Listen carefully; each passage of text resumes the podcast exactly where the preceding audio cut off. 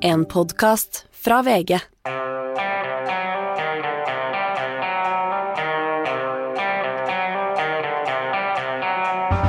Biden kaller Putin en krigsforbryter. Kan man slå fast det allerede? Og krigen gir ikke Jonas Gahr Støre medvind, men den har noen andre interessante utslag på meningsmålingene.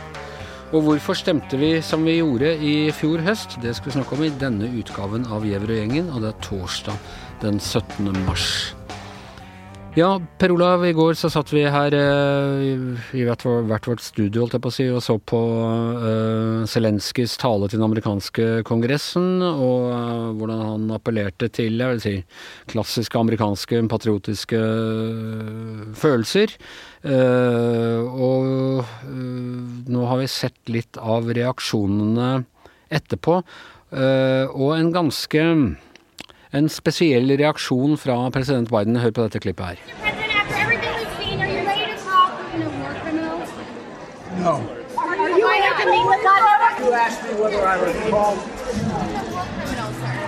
Oh, I, I, I think he is a war criminal. Ja, det er altså uh, en rekke av våre uh, hylende kolleger i uh, USA som spør Biden herr president, er Putin en krigsforbryter? Så sier han tvert nei. Og så er det et eller annet oppfølgingsspørsmål. Hva mener du ikke det? Han er en krigsforbryter, sier Biden. Blir litt sånn bekymra for han Biden av og til, Per Olav? Ja, jeg vet ikke om han ikke forsto eller hørte det første spørsmålet. Man kan tenke seg at vi eldre menn ikke stadig får med oss det som det blir spurt om. Ja, Kan det hende at vi eldre menn bare svarer det vi tror er riktig til enhver tid også? Det er jo selvfølgelig en viss risiko for det. I dette tilfellet så tror jeg nok at det han til slutt sa, er det han mener. Og øh, hans øh, Eh, pressesekretær John Psaki sa etterpå at Biden talte fra hjertet. Eh, han sitter og ser disse bildene på TV. Dette var det han eh, ville gi uttrykk for. Og Det er jo i tråd med hans utenrikspolitiske linje helt tilbake fra han var senator og, og leder for utenrikskomiteen i, i, i, Senatet. Han har jo vært en, stått på den klare demokratenes klare, sånn litt uh, haukete utenrikspolitiske linje, og, som ikke vil som ikke tolererer bombing av sivile fra russerne. Ja da, og det Vi har jo sett uh, det samme som Biden ser på TV, vi også. Vi ser uh, uh, sko hver dag boligområder, skoler, sykehus, teater i går kveld bli angrepet med artilleri eller bomber, raketter. Og nå er ikke jeg noen eh, folkerettsjurist, og jeg er ganske sikker på at Vladimir Putin aldri kommer til å bli dømt som en krigsforbryter, men det er av andre årsaker. Men for oss som følger dette fra utsiden, så ser jo det ut som det pågår, foregår krigsforbrytelser der hver eneste dag. Ja, er det en krigsforbrytelse når en stor øh, overlegen krigsmakt som Russland, verdens nest største krigsmakt, går til angrep på et annet land uh, uten noe FN-mandat eller uh, eller noe lignende, kan det i seg selv regnes som en krigsforbrytelse? Ja, altså Ukraina gikk jo til FNs øverste domstol, ICJ, International Court of Justice, og, og de erklærte jo da i går, allerede i går, at de ga ordre eh, faktisk til Russland om å stanse aggresjonen, om å stanse invasjonen. Eh, det er bare første, en første kjennelse fra denne domstolen. Eh, de kommer til å granske dette på kanskje i år. Og egentlig er alle medlemsland i FN bundet til å følge opp en sånn kjennelse. Men det har Russland allerede sagt at de ikke har til hensikt å gjøre. Og så kan Ukraina anke det innenfor FNs sikkerhetsråd, men der kommer jo sikkert Russland til å legge ned veto. Men det som, er, det som vi vet med sikkerhet, er at eh, krigens lover sier at det er et klart skille mellom eh, sivile og militære mål. Å angripe sivile mål er strengt forbudt.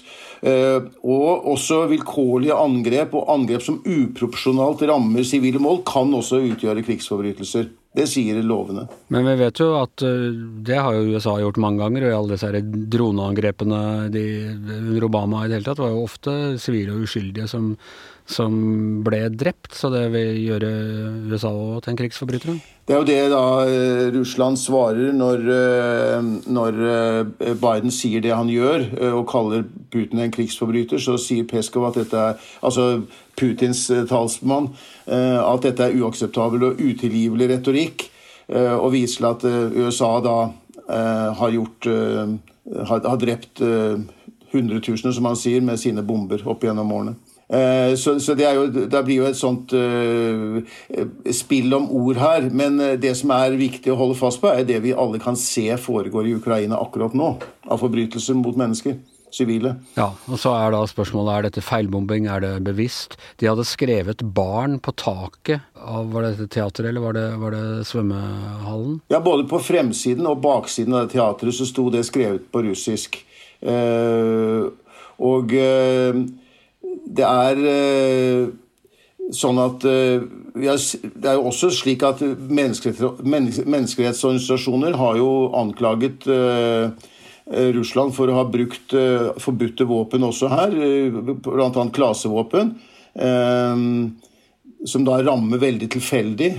Våpen som eksploderer i luften og sprer seg ut i mange deler, og som kan og det, brukt, det, skal da ha blitt brukt i boligområder. Um, vi har jo sett mange eksempler nå på angrep mot uh, blokker, boligblokker og andre steder. Og så kan man si ja, var det, var det, en, um, var det sånn at det, ikke, at, ikke tilt, at ikke, det var det tiltenkte mål? At uh, hensikten var å ramme et militært mål? Uh, var det en feil?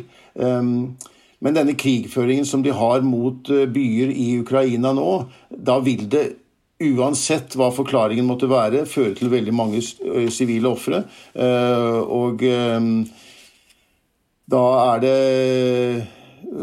kanskje ikke så avgjørende for de som blir rammet, om, dette var et tilsiktet mål eller ikke.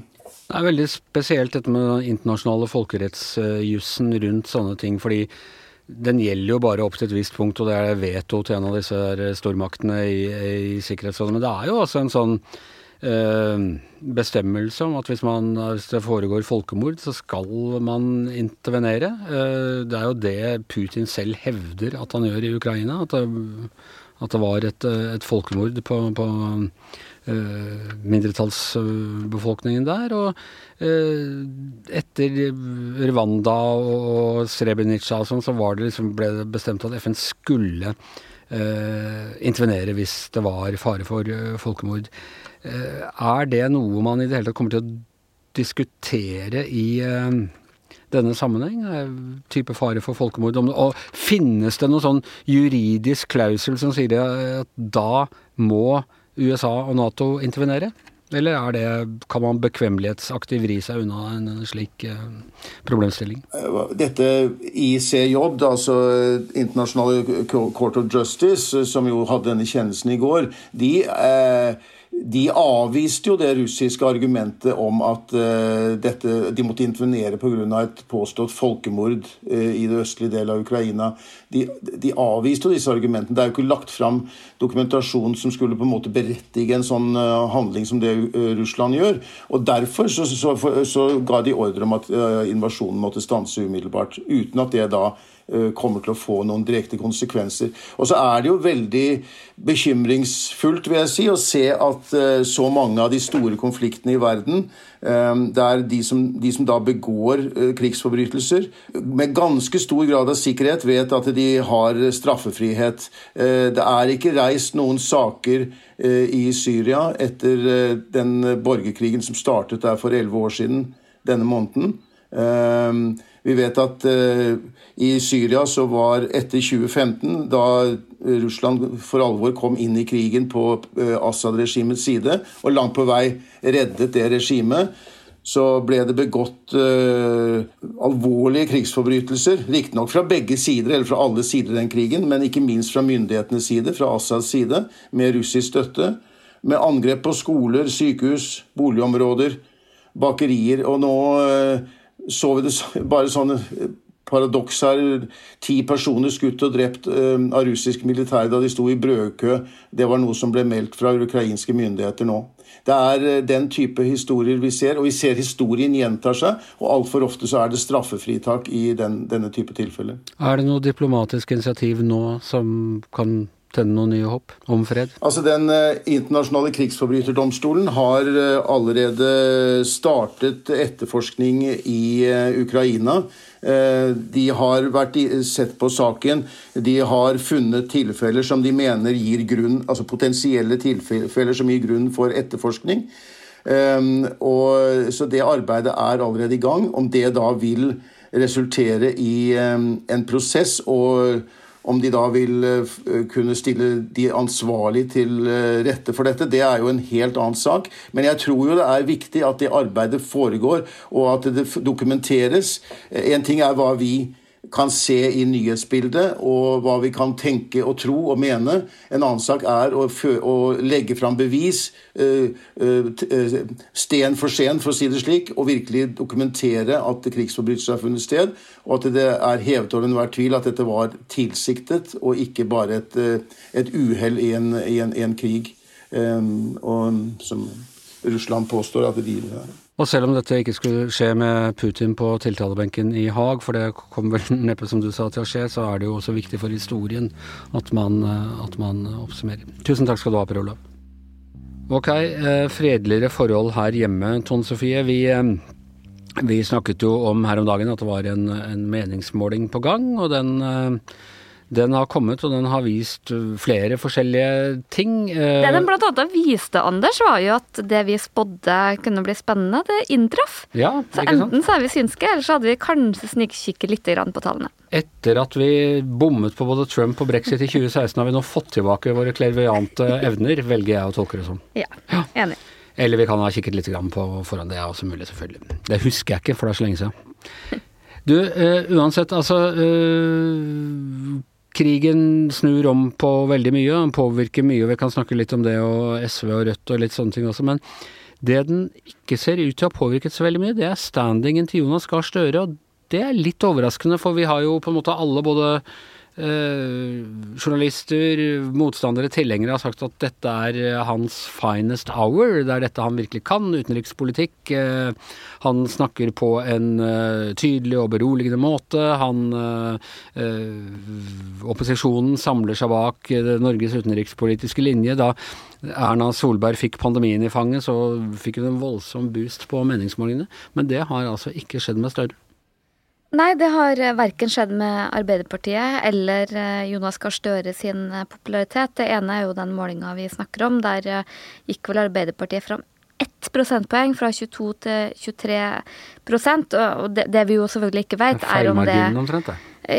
Ja, det er jo under det. Men det, det, det, man ikke vet, er jo om det kan kamuflere enda dårligere tall. Mm. Uh, men mest sannsynlig så er det veldig liten sånn der uh, rally around the flag-effekt for uh, Arbeiderpartiet. Nå har jo de hatt krevende uker med Hadia Tajik-saken og Anna. Det kan være at det er en helt annen trøtthet i befolkninga på sånn Vi har jo vært gjennom to år med pandemi, og så kommer det krig, at vi kanskje ikke er like på alerten. Men jeg tror kanskje mer sannsynlig at strømkrise og drivstoff og sånne ting overskygger. Men det andre er jo Jonas Gahr Støre sin popularitet. Og vi gjør jo sånne undersøkelser med statsminister om syns du Jonas Gahr Støre gjør en god jobb, eller en verken god eller dårlig jobb, eller en dårlig jobb. Og, og det som er litt alarmerende sett med Ap-briller nå, er at uh, den andelen som syns han gjør en dårlig jobb, har gått opp. Mm. Hva tror du det skyldes? Nei, eh, det, er vanskelig å, å, svare på. I hvert fall det vi Dem som syns han gjør en god jobb, da. Det er veldig stabilt fra høst når vi begynte med de tallene. Og det er også den kategorien som mener han gjorde en god eller dårlig jobb. Men så hadde vi en ganske stor sånn vet ikke-kategori, som var sånn avventende og ville se han. Og så godt som alle de har liksom ramla ned på en dårlig jobb. Så ca. en fjerdedel av eh, de spurte mener han gjør en dårlig jobb. Kan det skyldes håndtering av Tajik-saken mer enn håndteringen av krigen, f.eks.? hvis jeg skal gjette, så tror jeg nok det er mer håndtering av strømpriskrise og drivstoff og den type ting. Men, men samtidig så er det også litt sånn uh, Uh, hvis han ikke øker i popularitet nå, når gjør han det da? For det, det er jo sikkert ulike syn på det òg, men jeg syns i hvert fall han framstår som både kunnskapsrik, trygg, med autoritet på det internasjonale feltet. og har bare og hørt litt. Grann. Arbeiderpartiet har fått seg en ny podkast som heter Partipressa. og Det er alltid veldig gøy å høre når politikere har podkaster og analyserer situasjonen. For det er liksom sånn de fremstiller det i hvert fall, så er det liksom så trygt og bra for Norge, og alle ser at eh, Jonas Gahr Støre styrer. Og og, og, dette er bra for alle, da. Så det, det, er ikke helt sikkert at det slår inn, men eh, jeg vil i hvert fall mest sannsynlig tro at det er andre eh, ting som overskygger. Man kunne jo liksom da vært fristet til å tro at kanskje krigen ikke spiller inn på hjemlig norsk politikk eh, sånn sett, men det gjør den jo fordi både SV og Rødt, som har vært i, i medvind lenge, fikk seg en smell på denne målinga. Ja, og det er jo ikke for Rødt sin del, så er det jo ikke, det er jo ikke dårlige tall, men det jo, har jo sett ut som at de har vært på en sånn ny himmelferd à la Senterpartiet, og de har virkelig fått en bråstopp, en markant tilbakegang til oss, eh, både Rødt og SV. og eh, det er vanskelig å ikke se det som noe annet enn et utslag for den sikkerhetspolitiske situasjonen. Og vi vet jo fra før at uh, Nato-motstanden i, i befolkninga er veldig liten. Nå tror ikke jeg det er en sånn sak folk er veldig opptatt av, men folk er ikke så veldig kritiske til Nato. Mens i både Rødt og SV er det jo Nato-motstandere. Uh, og særlig SV har mitt inntrykk vært at det har vært en litt sånn Eh, et standpunkt partiet har hatt fra gamle dager. Litt som at de er, de er mot kongehuset også, men det er ikke egentlig en Nei, sak de, de, maser ikke om det. Nei. Og litt også fordi eh, eh, jeg, jeg, tror ikke de ser noe reelt alternativ. De snakker nå litt i munnviken om sånn nordisk forsvarsallianse, men det virker jo enda mer i det blå nå enn eh, noen gang. Og det er jo også interessant. For Rødt så kommer det nok ikke noe diskusjon om det, men i, i SV så har du allerede åpna en ganske tydelig diskusjon hvor mange, inkludert Oslo og SV, mener at partiet må revurdere, revurdere sitt Nato-standpunkt. Samtidig, EU-standpunktet eh, til norske folk, det er ikke påvirket av krigen. Nei, det, eh, jeg har i hvert fall sett en undersøkelse som heller ikke er publisert om eh, vårt EU-standpunkt, og der er det en eh, massiv motstand i folket. Så, så jeg, jeg, jeg, tror Sjøl om det er litt mer sånn positivt bilde av Europa, Europa trekker sammen, vi er mer i samme båt og sånn, så tror ikke jeg at at, uh, at, det her er nok til at folk snur i, i EU-spørsmålet. Men Nato-spørsmålet og, og, forsvarspolitikken, der tror jeg at det har en stor effekt. Fantastisk for meg at venstresiden snur i Nato-spørsmålet før de snur i EU-spørsmålet. Men ja. siden jeg nå har fått klærvoajansen min tilbake, så jeg, kan jeg fortelle, jeg ser det nå veldig helt tydelig, Norge kommer aldri inn i EU.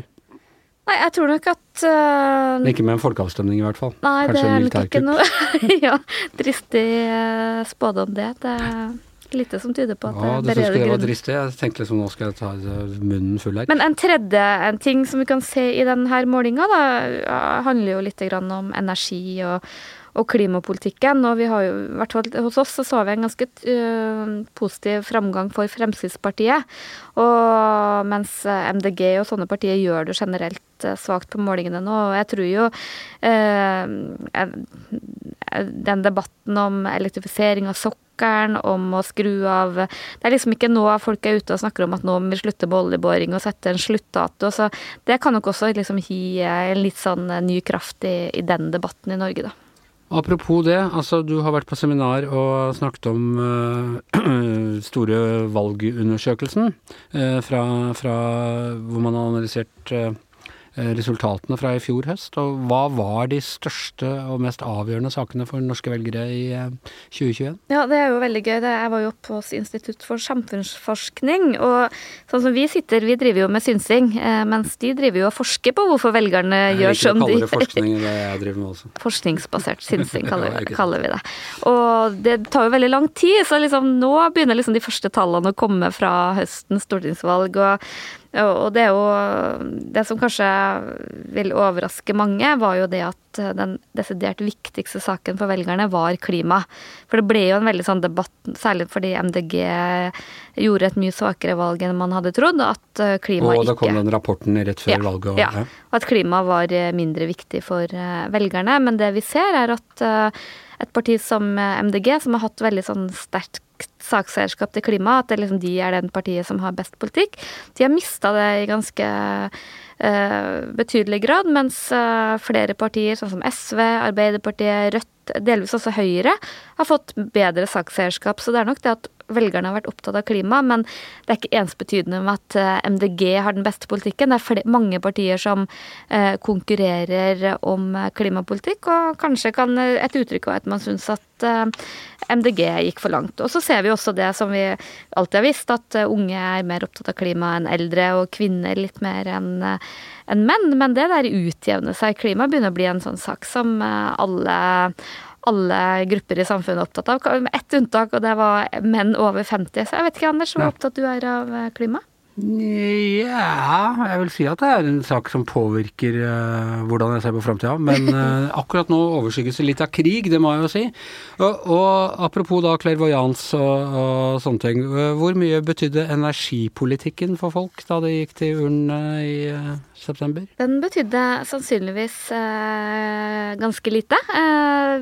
nå er ikke det sånn eget felt den saken som det var 30 da, som hadde liksom klima og miljø som eh, viktigste sak. Den neste saken er, er på skatt- og avgiftspolitikk, som er helt ned på 18 ja. um, og, og, hvor stor var klima, sa du? Over 30. Og det, det, er veldig ja. høyt. Mm. Det, men det som er en av de liksom, markante forskjellene på det valget her, var at innvandring, som har, har, ved forrige valg var den aller viktigste saken, den falt markant. er langt ned på lista av jeg tror det var 7% av velgerne som Eh, var opptatt av det. Og det er jo også en forklaring på hvorfor Frp gjorde et uh, svakt valg. Og det som også jeg syns var interessant å se, var at alle de partiene som satt i regjering, både Høyre, Frp, de hadde jo gått ut, men de har jo sittet lenge i regjering, og KrF og sånn, har tapt sakseierskap på område etter område hvor velgerne har ment at de har vært, uh, hatt den beste politikken. Da. Ja, det kan jo snu seg det også, med noen uh, titalls tusen flyktninger fra, fra ja. Og så er jo det store mysteriet, sant, valgets vinner uh, Senterpartiet. Eh, tok jo f.eks. veldig mange hjemmesittere, tok veldig mange velgere fra Fremskrittspartiet, fra Høyre, fra Arbeiderpartiet. Nå ser vi jo på målingen da, at det er ikke veldig mange måneder etter hvor du ser at eh, eh, i hvert fall at de velgerne der satt veldig løst i stolen, da. Hvor viktig var disse reverseringssakene? Splitte opp fylker og uh, ja, reversere liksom høyreregjeringens uh, politikk. Hvor mye betydde det for folk? Det er jo heller ikke en sånn uh, en egen kategori, men uh, distriktspolitikk var en viktig sak, og mye viktigere sak enn den tradisjonelt har vært. Men det som er det spesielle der, er at i mange saker så er det jo sånn at partiene deler liksom litt på liksom, Er det skole, så er det liksom litt Høyre, litt Venstre, litt Arbeiderpartiet, hvem du, litt, hvem du syns er best. Mens distriktspolitikken eier jo Senterpartiet. Mm. Uh, de er ganske aleine om den, og at den har fått mer vind i seilene, bidro nok til at Eh, Senterpartiet gjorde et så godt valg, men også det at de så tydelig har eh, eh, klart å vinne som et sånn tydelig opposisjonsparti mot regjeringa. Og det er jo kanskje det de sliter med nå når de sitter i Finansdepartementet og har mista så mye oppslutning på så kort tid. Men vi gikk altså til valg da i september. Da var pandemien over igjen. Ja. eh, og, og, inntil videre. Eh, vi hadde ikke fått eh, strømkrisa, og det var ikke krig i, eh, mellom Russland og Ukraina. Altså, tingene er nå totalt eh, forandra, forutsetningene. Går det an å si noe som helst basert på disse undersøkelsene her om uh, utviklingen, politiske utviklingen fremover? Åh, det var et. Det er et vanskelig spørsmål. Det er jo no, noen ting. Du har jo mm, det at folk skifter parti mye, mye mer enn før. og, og og mye mindre trofaste. Eh, også saksselskapene er jo mer i bevegelse enn det har vært før. Eh, og så ser vi også at det er en større gruppe som, eh, som eh, faller utafor, som ikke stemmer, og som går liksom mellom disse sofavelgerne, som vi kaller de som ofte setter seg på gjerdet. Og det er ofte litt sånn kritiske velgere. Og det vi så i hvert fall i det valget her, var at de gikk i stor grad Senterpartiet og Rødt. Det var de som liksom fanga opp eh, den misnøyen. Da. Og det kan jo virke som at det er en, en, en ganske betydelig andel av velgerne, kanskje rundt en tredel, som, som, er liksom sånn på en litt sånn evig vandring etter uh, dem som har den beste løsninga. Men det er et veldig urolig politisk landskap nå, så det er veldig vanskelig å spå. Hva var det mest overraskende, syns du? Nei, det at klima var såpass viktig og dominerende som sak Uten at det ga MDG liksom den effekten? Ja, vi har jo snakka en del om at det er mange grunner til det, men jeg syns at, at, det er interessant. Og det som jeg kanskje syns er mest alarmerende, som vi snakket, også snakka litt om, er at vi ser større forskjeller i stemmegivning. Mye større forskjeller mellom by og land. Det er vel egentlig bare to partier som har ganske like velgere, sånn like stor oppslutning på bygda som i byen. Det er Arbeiderpartiet og KrF. Ellers er det liksom noen blir mer og mer bypartier, mens noen blir mer og mer Eh, bygda-partier. Men så har du også en eh, ganske økende eh, gruppe, særlig unge menn, som detter helt ut av det politiske systemet. Som ikke, ikke bare liksom ikke stemmer ett valg, liksom. Det kan mange slumpe til å gjøre. Men som um, faller utafor det politiske systemet, det er utenforskapet. Og det syns jeg er veldig interessant. å og, og følge med. Og ja, ikke minst ganske skummelt. Og det er i stor grad menn, og der ser du mens unge kvinner er mer opptatt av politikk, så er det unge menn som i stor grad faller utafor. Unge menn, dere må tilbake i folden og engasjere dere politisk. Ja. ja. Eh, og med det så er eh, med den lille oppfordringen så er Gjever og gjengen eh, over for i dag. Tusen takk til Per Olav Ødegaard, tusen takk til Tone Sofie Aglen. Jeg heter Anders Gjever, og den unge, engasjerte mannen som produserer oss, er som vanlig Magne Antonsen. Du har hørt en podkast fra VG. Ansvarlig redaktør Gard Steiro.